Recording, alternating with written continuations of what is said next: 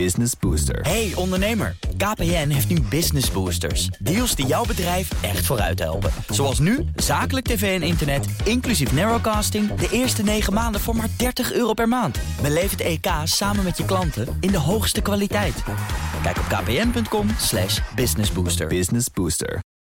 BNR Digitaal wordt mede mogelijk gemaakt door Incentro, een IT-bedrijf. BNR Nieuwsradio. BNR Digitaal. Herbert Blankenstein. In the future, a lot more of us are going to do what today is considered the arts. So that's why I'm so excited about augmented reality. Because it's going to make it so that we can create all kinds of things that until today have only been possible in the digital world. And we're going to be able to interact with them and explore them together. Facebook gaat vol voor virtual en augmented reality. Dat maakte oprichter en CEO Mark Zuckerberg bekend tijdens de jaarlijkse ontwikkelaarsconferentie F8 in San Jose. Of dat een slimme zet is, dat vragen we zo aan onderzoeker Jochem Riester van de Hogeschool van Amsterdam. En we hebben het over een volkomen verouderde programmeertaal die nog steeds onmisbaar is. Mijn backup is vandaag Arjan Kamphuis, adviseur informatiebeveiliging bij Brunel. Hartelijk welkom. En we beginnen met het technieuws met Ivan Verrips. Hoi. Hoi. Dat uh, nieuwe software soms niet werkt op oude hardware, dat is logisch. Maar er is nu ook een omgekeerde volgorde. Ja, als je natuurlijk de allernieuwste games wilt installeren op je PC uit 1995, dan kan ik me voorstellen dat een en ander niet meer helemaal lekker Crash. werkt. Ja, precies. Maar sinds kort kan het ook andersom. Want Microsoft heeft besloten dat uh, sommige uh, systemen met AMD en Intel processors, dat die geen updates meer krijgen van Windows 7 en Windows 8.1. Dus nieuwe processors Precies. en dan geen nieuwe versies van oude Windows. Ja, relatief. Heel ingewikkeld. Exact, het is heel ingewikkeld. Um, het is misschien simpeler als we gewoon zeggen dat Microsoft graag wil dat je naar Windows 10 upgrade.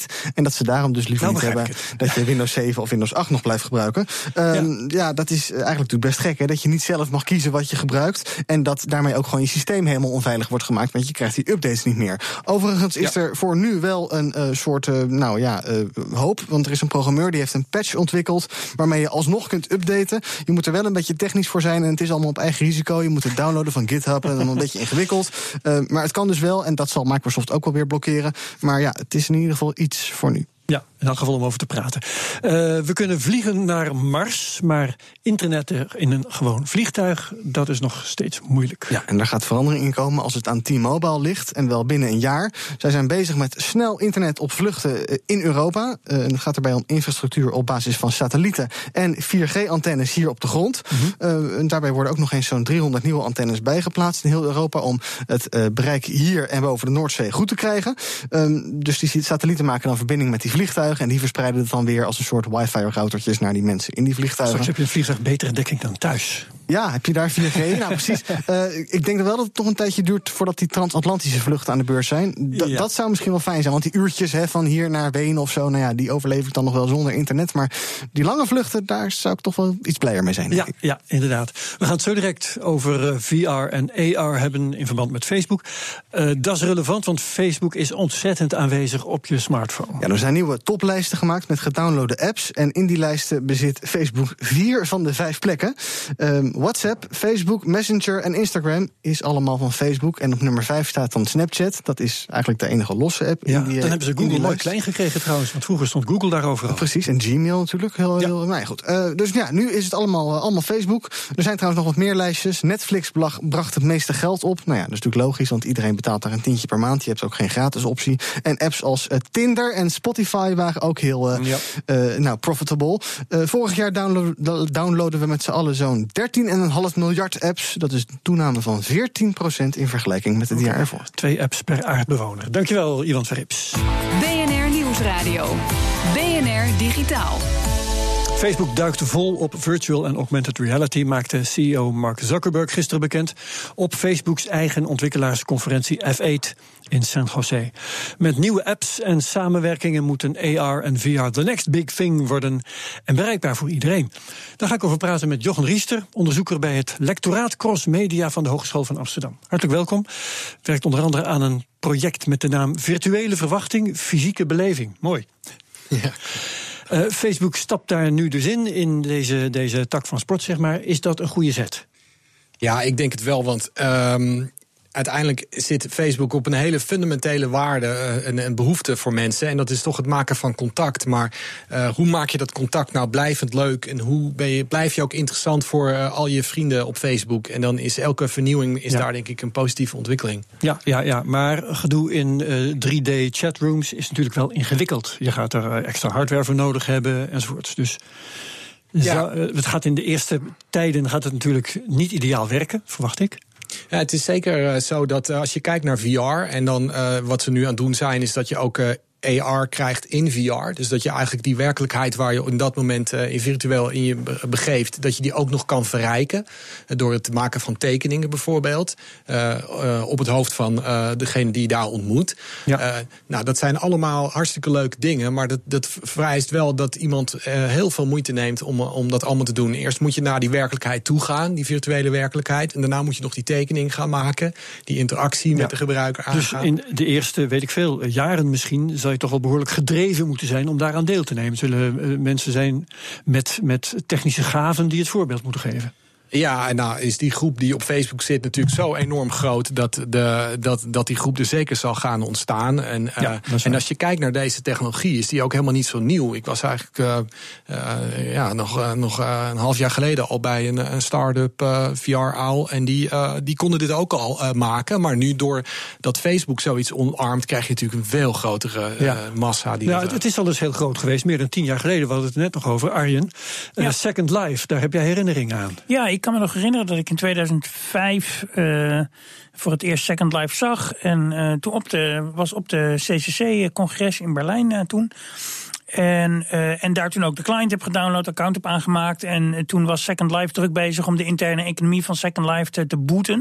En dan kregen dus de eerste zoveel 10.000 mensen... die kregen een soort basisinkomen in de interne valuta. En daar heb ik nog jarenlang in het lol van gehad. Van geprofiteerd. Effectief aan gratis uh, Van kunnen leven niet toch, denk ik, hè? Nou, niet van kunnen leven, maar mijn nee. avatar in die wereld kon daar wel van leven. Oké, okay, ja. Um, maar uiteindelijk inderdaad ja, was het toch hoge learning curve... om, om gewoon het ding te kunnen bedienen... En het bood toch net te weinig om die learning curve voor veel mensen dan de moeite waard te maken. Dus die balans ja. toen. En voor de mensen voor wie het niet weet, trouwens, Second Life, twaalf jaar geleden. Het was een, het was een 3D-wereld waar je met zo'n avatar rondliep. Ja. En je kon daar uh, uh, een huis bouwen, kleren kopen, seks hebben en ik weet niet wat allemaal. Ja, nee, het, was, het was echt bedoeld als een wereld. Het groeide ook een tijdje heel hard en het had wel een belofte. Maar uiteindelijk bleek toch dat, ja, dat die groeivlakte toch af toen, uh, zeg maar, de, de, de early tech adopters en de enthousiastelingen, die waren op een gegeven moment allemaal. En toen kwam toch niet de grote massa erbij op ja, dat ja. moment. Maar ja, je had ook wel een flinke internetverbinding nodig en een dure PC. En de, dus er waren allerlei barrières die vandaag de dag wel echt weg zijn. Zeg maar. Bandbreedte en zo is niet meer de issue. En Johan, is, is dat dan de reden hè, dat zulke barrières weg zijn van bandbreedte en zo, dat de verwachtingen nu toch weer hoog gespannen zijn? Um, ja, ik, want het blijft een hele fundamentele uh, basisbehoefte van mensen om contact te hebben met elkaar, om je dicht bij iemand anders uh, te voelen en op een leuke manier, manier contact met elkaar te hebben, uh, waar je ook bent ter ja. wereld. En dat, dat, ik denk dat dat, dat dat is zo fundamenteel en dat en andere branches waar, waarbij bijvoorbeeld in het onderwijs of in de zorg, waar, waar ook een sterke motivatie van de gebruiker is om het te. Nou, dat is, dat is interessant dat je dat zegt, want dat je met je vrienden in zo'n ruimte gaat zitten. Nou, de een zal zeggen, lijkt me geweldig. De andere zal zeggen, lijkt me niks. Dat heb je altijd. Maar, maar um, noem eens een nuttige toepassing. Nou, bijvoorbeeld, uh, je, je, kan. Uh, in het onderwijs is het niet zo dat het geld er buitengewoon uh, overloopt. Dus, maar je zou toch wel heel graag met een klas een keer het Colosseum in Rome willen, willen bezoeken. Nou, op deze manier zou je dat virtueel kunnen doen. Je kan met de hele klas elkaar treffen in het Colosseum, die bijvoorbeeld virtueel is. En daar. Ja. Uh, ja, een, een, tekening maken uh, of iets dergelijks. En zoiets als de Open Universiteit, hè, die werken nu ook wel met, met chatrooms en dergelijke. Uh, denk jij dat met z'n allen in een virtueel klaslokaal gaan zitten, dat dat het onderwijs verrijkt of niet? We hebben, ik heb samen met een collega, Anna Moes, uh, hebben we uh, een studie gedaan. Uh, wat nou precies het verschil is tussen een beleving als je kijkt naar een plaatje. Of als je kijkt naar een, een 360 graden foto. Of dat je kijkt door een, een virtual reality bril. En dan zie je echt dat het, het, het, wordt als positiever ervaren. Het blijft ook langer hangen. En dat zijn ook allemaal effecten die in het onderwijs natuurlijk heel erg gunstig zijn. Als, de, als studenten ja. gewoon ja, toch zo'n colosseum heel, als heel positief ervaren. want dan betekent dat ze toch genieten van de les. Dan praten we over eh, virtual reality op dit moment. Uh, Zuckerberg had het ook over augmented reality. Dan kijk je door een uh, gewone bril, of door je telefoon trouwens, daar had hij het ook over. En dan worden er dingen toegevoegd aan datgene wat de camera ziet. Ja. Wat zie je daarin? Ja, dat, dat maakt het uiteindelijk dan weer interessanter. Hè? Want de werkelijkheid is natuurlijk leuk om te ervaren. Ook als je het Colosseum. Maar het toevoegen van iets aan de werkelijkheid. dat is weer die creatieve basisbehoefte van mensen. En daarmee maak je uh, ja, je vriend uh, opeens uh, grappig. Door hem iets snor te geven. Ja, ja. En, dan is, ja, en dan heb je weer humor. En daar, dan, dat is natuurlijk dat stukje entertainment. en de hele mikmak. Exact. Maar ja. ja is dat niet te simpel? Uh, moeten, moeten we niet een niveautje hoger? Ik weet niet hoe dat eruit ziet, maar je zou toch eigenlijk willen dat het ook weer hè, dat er iets nuttigs uitkomt. Ja, het is, uh, nou, in, het is in, in die zin natuurlijk wel nuttig dat mensen uh, met elkaar uh, bezig zijn. Hè? En ook niet te veel misschien. Maar het, het feit dat je mensen zeg maar nader tot elkaar brengt, is natuurlijk wel al een hele, ja. vind ik al een hele nuttige toepassing. Ja. Maar het vinden van die hele nuttige toepassingen en een, ook een, een, een, echt een duurzaam businessmodel, bijvoorbeeld in het onderwijs, is, is, is, is, inderdaad nog steeds een hele grote uitdaging. Dat is denk ik in de zorg het stuk makkelijker. Ja, nog even naar Arjen Kamphuis. Want dat mensen hier plezier aan kunnen beleven, dat geloof ik wel. Maar wat what's in it for Facebook? Nou, ik denk dat zij uh, uiteindelijk inderdaad graag willen dat wij ons hele leven leven in een virtuele werkelijkheid. En voor hun maakt het op zich niet uit of dat een webpagina is of iets anders. Maar ze willen gewoon dat alles wat wij doen, dat we het bij hun doen. Iedere seconde die je bij Facebook doorbrengt. Levert hun geld op. Uh, dat, dat, dat is voor hun meer profiling, meer userdata uiteindelijk, uh, meer advertentie. Ik bedoel, dat is toch uiteindelijk hun, hun businessmodel. Ik, ik verwacht trouwens wel dat uh, die slimme leerlingen gewoon hun leraar aan een virtuele leeuw gaan voeren in het Colosseum. Tenminste, dat, dat, dat zou ik doen ja, als 15-jarige, ja, ja, zeg maar. Hè? Dat als je dan toch naar het Colosseum gaat, dan ja, dan gaan we er ook voor. Dan, gaan we niet alleen maar naar stenen kijken. Dan nog hele spannende nieuwe vormen van wandelen ja, ja, ja, ontstaan. We krijgen, ja, we krijgen de, de hekkende leerlingen, die gaan los. Ja, okay. nou, de, de, niks mooiers dan hele actieve studenten. Dat is waar. Ja. Oké, okay, allebei bedankt. Arjen Kamphuis komt straks nog terug. En bedankt Jochen Riester van de Hogeschool van Amsterdam. Zometeen gaan we het hebben over drones, maar dan anders dan normaal. Namelijk om muziek mee te maken. BNR Nieuwsradio.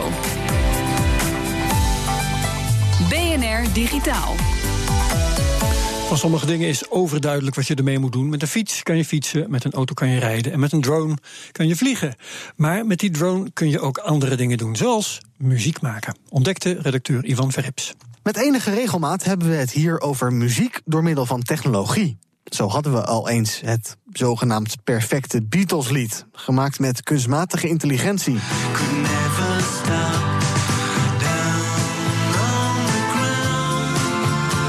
Of het ultieme kerstlied. Maar je kunt technologie ook op andere manieren inzetten om muziek te maken. Andrew Huang heeft een DJI Mavic Pro en maakt er muziek mee. Sterker nog, je hoort het nu. Deze geluiden worden gemaakt door de drone op de grond te zetten, door hem in te klappen, er overheen te wrijven. En dan krijg je dus dit. Klinkt best als een goede basis. So in the next part of this track, I start using more of the drone flying sounds, but there was also this little chime from when the controller starts up.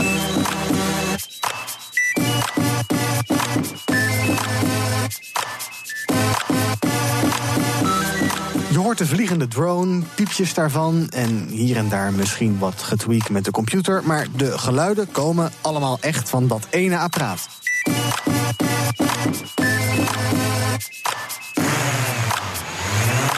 En door met de hoogte van de drone te spelen, kan je er nog meer mee.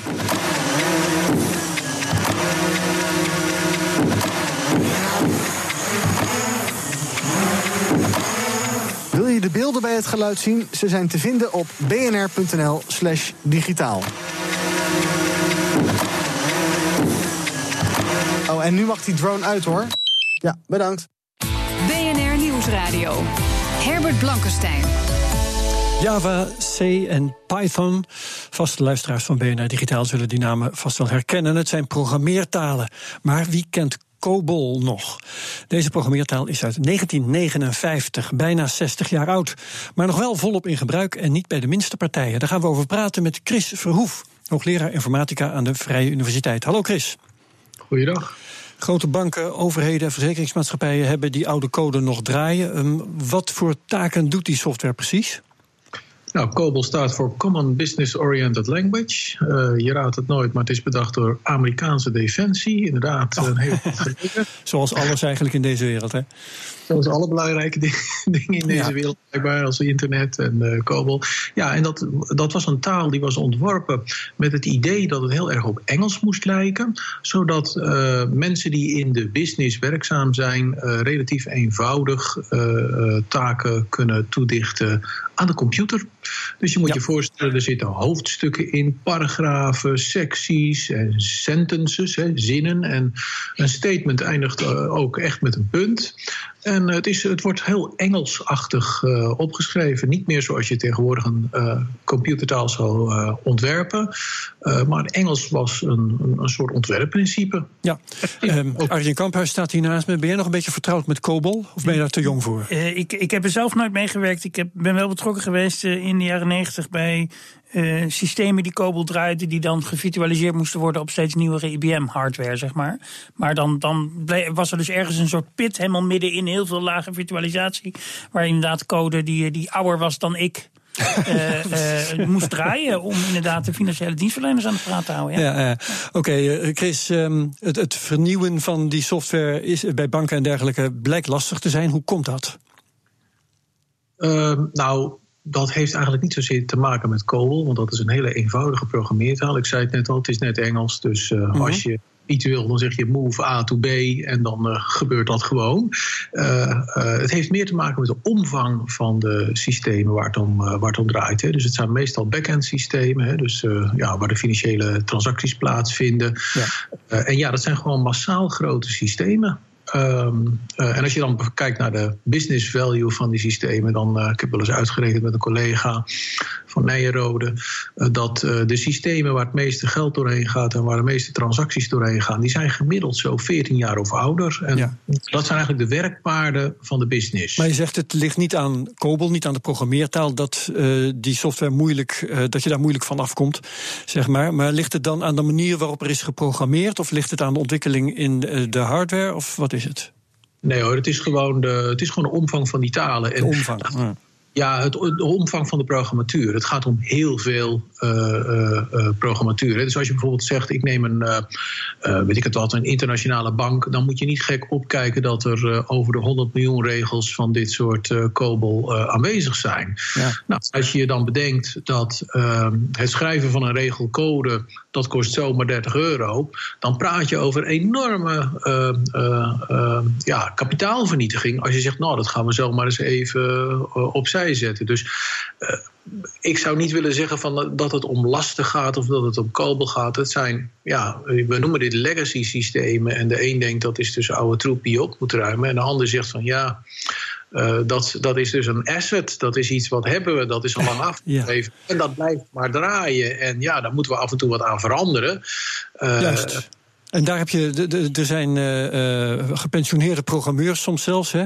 In elk geval uh, de oudere garde, die kan dat nog een beetje. Maar de mensen die dat kunnen, die nemen toch wel af in aantal zo langsbehand. Nou, ik zou zeggen van niet. nee? Ik, ik heb, ik heb zeg maar uh, studenten uit het uh, voormalige Oostblok. En die doen niet aan vakken vullen bij de lokale supermarkt. Maar die schrijven bijvoorbeeld IBM Assembler of IBM Cobol voor Lufthansa. omdat, ja, omdat dat zeg maar dingen zijn die nodig zijn. Dus laten we zeggen, het leren van die taal dat is niet zo moeilijk. Het is net Engels, zoals ik net al zei. Ja. Uh, en het is een derde generatietaal, dus ja, dat... Uh, maar de, de, de, markt zorgt er dus voor dat um, het aantal mensen dat dit kan doen gewoon op peil blijft. Als jij uh, deze programmeurs nodig hebt, dan zijn ze overal op de wereld te vinden. Ja hoor, er wordt nog steeds veel code geprogrammeerd. Ja. En offshoring naar lage lonenlanden, daar zitten hele legers mensen die dit allemaal kunnen. Ja, en ik kijk nog even naar Arjen Kampas hier naast me. Uh, het feit dat dat allemaal in de vaart wordt gehouden, uh, is, is dat een goed idee? Zou dat niet gewoon een keer radicaal moeten worden vernieuwd? Of ben je het met Chris eens dat het eigenlijk best werkt? Oh nee, ik denk niet dat je dingen moet weggooien omdat ze oud zijn. Maar ik denk wel, de, de, de pijn die iedere keer dan kennelijk weer ervaren wordt bij vervangingspogingen, is misschien wel een indicatie dat we eigenlijk niet helemaal weten hoe het werkt. En dat is natuurlijk in termen van echt controle hebben over je systemen toch een, toch een beetje een eng idee, zeg maar. Dat je, dat je niet genoeg je processen begrijpt, zodat je ze zou kunnen vervangen door iets anders. Dat, en dat, dus dat heeft niet, niks te maken met die taal, inderdaad, want daar is op zich niks mis mee. Maar meer dat je dus eigenlijk niet weet wat het doosje doet. Ja. En dat is wel eng. Uh, kun je dat bevestigen, Chris? Dat, dat uh, men soms niet eens weet wat er eigenlijk gebeurt binnen in die doos? Nou, laat, laat, laten we zeggen, het overzicht over 100 miljoen regels code, dat is natuurlijk heel lastig. Hè? Bedoel, in, in welke taal dan ook?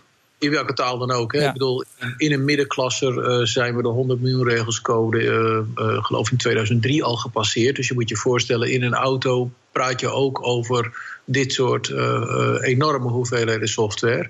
En daar zie je ook dat het allemaal niet zo makkelijk is. Als je tegenwoordig een probleem hebt met je auto, dan kan de automonteur alleen nog maar zeggen: ja, we zullen deze kaart vervangen, die kaart vervangen, we ja. doen een software-update. En daarna doet hij het nog steeds niet. En dan weten zij het ook niet meer. Hè? Dus het feit dat je bij dit soort hele complexe uh, uh, gedachtenspinsels die uitgeprogrammeerd zijn in de loop van vele jaren, dat je niet alles meer weet, ja, dat is niet zo gek. Alleen dat wil niet zeggen dat het dan dus niet werkt. Want ja, als er natuurlijk ergens een fout zit, dan zie je dat aan het operationele gedrag. Ja. Uh, dus als geld niet overgemaakt wordt van A naar B, transacties niet uitgevoerd worden, nou, dan uh, hoef je niet echt heel lang te wachten bij een bank als dat niet goed gaat. Op, op allerlei wordt op allerlei manieren gemerkt door de klant. Je hebt zelf pas nog bij de Sociale Verzekeringsbank oude software onderzocht. Uh, de SVB wilde die software graag vernieuwen. Je hebt die opties bekeken, maar wat kwam daar dan uit? Dat het eigenlijk niet hoefde? Nou, om te beginnen uh, uh, moet je oppassen met het woord oude software. Uh, als je gaat kijken naar een bank, in dit geval toevallig ook de Sociale Verzekeringsbank, en je kijkt naar hoeveel nieuwe bestanden worden er per maand gemaakt, dan moet je gewoon denken, dus nieuwe COBOL-bestanden, dan moet je gewoon, nou, soms honderden bestanden per maand, die, op, die nieuw gemaakt worden, dus die nieuw geprogrammeerd worden. Dus het is niet allemaal oude code. De architectuur, de eerste gedachten erachter, die zijn vaak oud. En als ja. die gedachten goed waren, uh, ja, dan blijft die systemen lang bestaan. Ik zeg altijd tegen mijn studenten: programmeren leidt in het beste geval tot legacy. Want ja. ja. als je het niet goed doet, dan wordt het inderdaad weggegooid. Dus en dan tot komt... slot, omdat we door de tijd heen zijn, hebben we over 50 jaar nog uh, code in COBOL uh, rondhangen hier? Nou, ik, ik, zou dat, ik zou dat echt niet weten, maar het zou. Je kunt het ook niet uitsluiten. Nou, enige tijd geleden hoorde ik van een bank die gooide de laatste COBOL 68 weg. Dat is dan zeg maar een, dat is COBOL die onder een bepaalde compiler uh, compileert. Ja. En dat is nog niet zo lang geleden. Dus het duurt vaak heel lang voordat ook oude code weggegooid wordt. Vooral okay. als het gewoon draait. Goed, hartelijk dank voor deze uitleg. Chris Verhoef van de Vrije Universiteit. Ook hartelijk bedankt Arjen Kamphuis. Jij was backup vandaag. Tot zover BNR Digitaal. Uitzending terugluisteren kan via de BNR-app. bnr.nl slash digitaal, podcast, Spotify, noem maar op. En heel graag tot volgende week. BNR Digitaal wordt mede mogelijk gemaakt door Incentro.